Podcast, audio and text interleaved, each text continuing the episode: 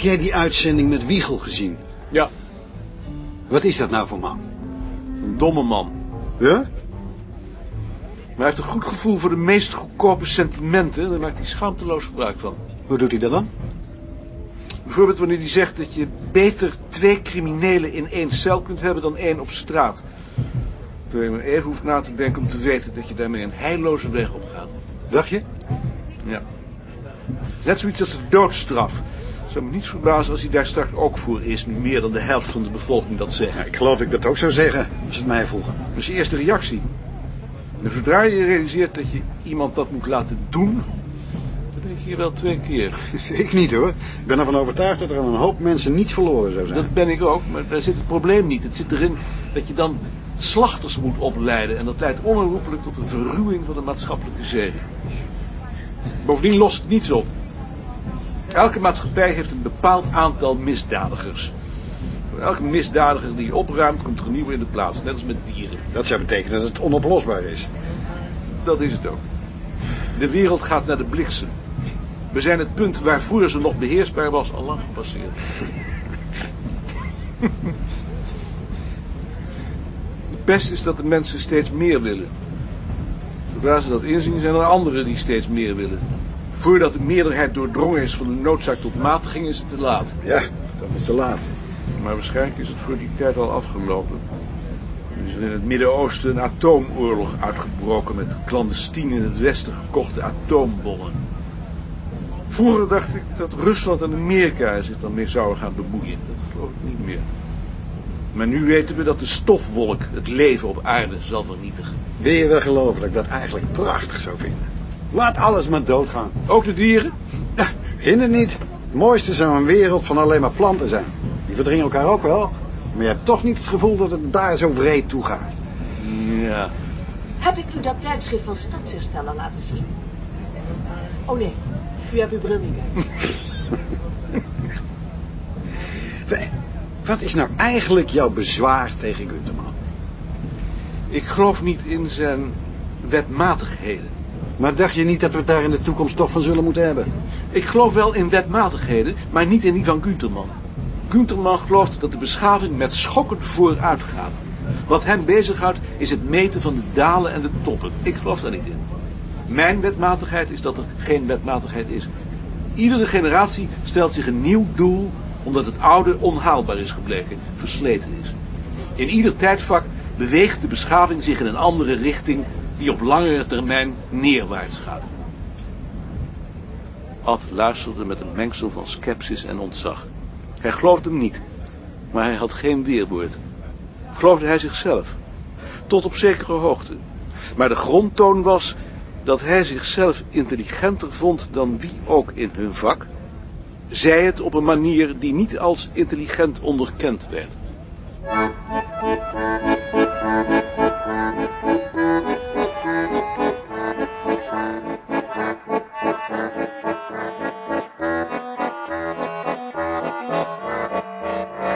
Hoe was het? Ik ga naar bed. Ik ben beroerd. Oh, eh, Drever heeft gebeld.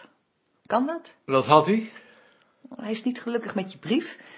En hij is niet van plan om woensdag het rapport waar Erik Visser en jij om vragen te bespreken. Want het gaat heel slecht met het museum. Als hij dat rapport niet bespreekt, stap ik eruit. Wat is dat voor man? Dat is de voorzitter van de museumcommissie. En waarom gedraagt hij zich dan zo horkerig? Dat is zijn stijl. We zullen wel zien, woensdag. Ik ga nu naar bed. Wil je nog iets hebben? Ik moet er niet aan denken.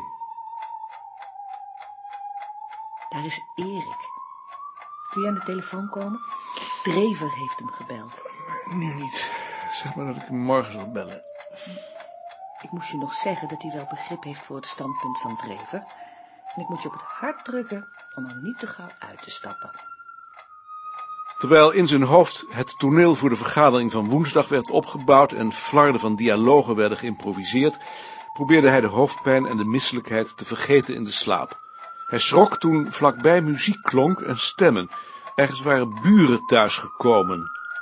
Maar het was Nicolien die naar een programma over een bejaarde zat te kijken.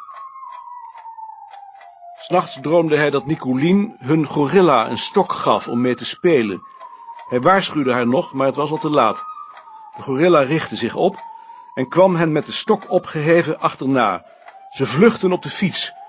Toen ze een paar grote woedende honden passeerden, was hij eerst bang dat ze hen en vervolgens dat ze hun gorilla zouden aanvallen. Maar de gorilla liet zich niet afleiden en haalde hen in. Op het ogenblik dat hij wilde toeslaan, gooide hij zijn fiets opzij, draaide zich om en richtte zich op, waarbij zijn borst enorm opzwol. De gorilla schrompelde ineen tot een poes, sprong omhoog naar zijn hals, maar zijn beet, toen hij hem opving, was niet meer dan een liefkozing. Dat was Drever natuurlijk.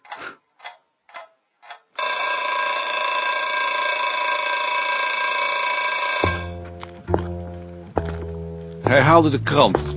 In de storm woei een zwerm spreeuwen over de gracht en verdween achter de daken van de huizen. Een paar achterblijvers roeiden er vertwijfeld achteraan. Tussen de grauwe, woeste wolken kwamen ordeloze gaten. Blauw was in de avond kleurloos, waardoor het pijloos diep leek. Dat gaf hem een besef van oneindigheid. De zon brak tussen de wolken door en kleurde de groen gebijtste planken tegen de zijmuur van een huis in de Jordaan. Uit die planken staken hier en daar zinken schoorsteenpijpjes met een dakje erop. Daarachter woonden mensen. Dat ontroerde hem. Hij liep over de eilanden.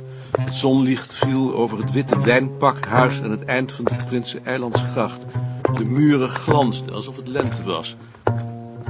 Maar in de gure wind duurde die illusie niet langer dan een fractie van een seconde.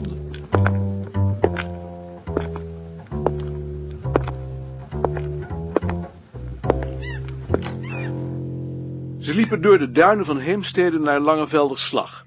Er was een vage zon. In de vellen, in de buurt van de Berkenwal, aten ze hun brood in de beschutting van kale duindoornstruiken. Even verder, in de ruigte van het haasveld, ontmoetten ze een jongen met een snor en een armoedig meisje. Hebben jullie nog wat gezien? Wat zegt u? Hebben jullie nog wat gezien? Twee reeën. Wij drie. Baas boven baas. Ze worstelden met z'n tweeën verder door de kniehoge duindoorns. Vanaf de top van een duin hadden ze een ver uitzicht over de grijsgroene verlatenheid tot aan de toren van Vogelenzang. Bij de paddenstoel aan de andere kant van het Van Limburg-Stierumkanaal aarzelde hij. Ze konden naar Zandvoort, naar de Zilk, naar Noordwijk en terug naar Heemstede. We waren toch van plan om naar Noordwijk te gaan? Waarom moet je dan ineens onzekerheid scheppen? Toen ze daarop doorliepen naar het strand, wilden ze weten... Waarom ga je niet naar de Zilk? En toen hij op het strand links afsloeg... Waarom wil je niet naar Zandvoort?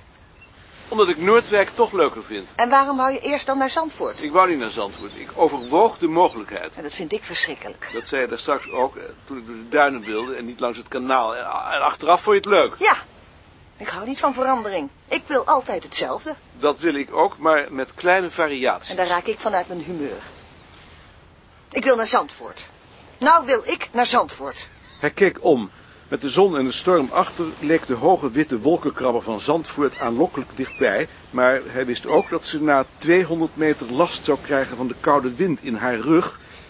En hij vond Noordwijk toch aantrekkelijker. We gaan naar Noordwijk, dat is leuker. Waarom is dat dan leuker? Omdat het leuker is. En als je het niet leuker vindt, dan zeg je dat maar tegen jezelf en je verpest het niet voor een ander. Die opmerking had onverwacht enig effect. Ze zweeg. Het strand was breed en hard. De zon stond laag, zodat ze bijna niet vooruit konden kijken. Tegen de harde wind worstelden ze paal na paal naar Noordwijk. In de blauwe gans, beschaafd beschut tegen het geweld van de wind, namen ze koffie met appelgebak. Het was er vol. Aan een tafel verderop ontdekten ze Henk Wolzak met zijn vrouw en drie kleine kinderen. Waarschijnlijk herinnerde die zich haar ook vaag, want hij keek af en toe naar haar. Zo groot was de kring rond de Russische dissidenten nu ook weer niet. Ze werd daar zenuwachtig van. Nu wil ik weg. Op weg naar de deur groetten ze hem. Daarom groette hij ook maar. Aan het gezicht van Wolzak was te zien dat hij er helemaal niets meer van begreep. Tien minuten vroeger dan de bedoeling was, stonden ze bij de bushalte. De ramen van de abri waren vuil en volgeklad met namen en schunnige rijmpjes, waarvan de regels opa was al zestig jaar, maar kwam toch met twee rukken klaar, in zijn geheugen bleven hangen. Misschien omdat hij zich aangesproken voelde. Omdat de metrische onvolkomenheid hem stoorde, zocht hij geruime tijd vergeefs naar een beter lopende variant. Daarbij verbaasde hij zich over de preoccupatie van de onbekende tekstschrijver met de oudere generatie. Zijn teksten handelden bij nadere beschouwing uitsluitend over tantes en opa's, die dan bovendien nog lichamelijke gebreken hadden. Hij stelde zich daarbij een stiekem onaangenaam jongetje voor, het soort jongetje waaraan hij zelf, toen hij nog een jongetje was, de pest had. Een man en een vrouw voegden zich bij hen. De vrouw ging op het bankje zitten, met haar hoofd voor een rijmpje met de regel Tante K drukt een komkommer in haar snee. De man bleef in de deuropening staan. Hij wendde zich af en keek langs hen in de richting waarvan de bus moest komen. Gegeneerd was het woord niet, maar het zat daar wel in de buurt. Toen hij wakker werd, was het al licht. Nicolien sliep nog.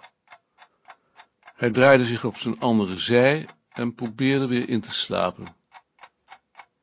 Maar hij bleef wakker.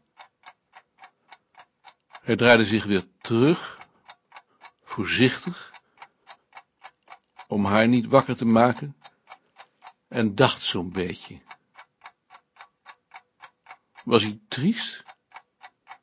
Hij was een beetje triest. Waarom was hij een beetje triest? Hij wist het niet. Hij dacht vaag aan het overtikken van zijn oude dagboeken dat hem tegen ging staan, en aan het dagboek van Virginia Woolf, waarin hij maar moeizaam vooruit kwam. Hij herinnerde zich dat Elisabeth hem gevraagd had op anekdotes over vrouwen te letten voor een boek dat zij moest samenstellen. Hij was dat weer vergeten, maar in dat dagboek stonden ook geen anekdotes. Of misschien zag hij ze niet, omdat ze hem niet interesseerden. Met wie moest ze dat ook alweer samenstellen? Met Ankie, Ankie Pijpers? Nee, niet Ankie Pijpers. Een buitenlandse naam. Een Engelse naam of een Amerikaanse naam. Een bekende schrijfster. Ankie, nee, niet Ankie Pijpers, ook niet zoiets. Guusje, Guusje Morjen, nee, ook niet Guusje Morjen. Die vrouw die getrouwd was geweest met die schrijver. Hoe heette die schrijver ook weer? Hij zag diens gezicht voor zich, een wat dikke gezicht, geen onaardige man, vriend van Henriette geweest, woonde in Parijs. Dit was te gek. Die naam moest hij zich toch herinneren. Zijn geheugen was een zeef. Zou dat zijn omdat hij in zijn jeugd te veel gedronken had? Dat had Jan Bruggeman aan die man of die vrouw geschreven. Wie was dat ook alweer? Leni Smit-Kroes? Nee, niet Leni Smit-Kroes. Een ander.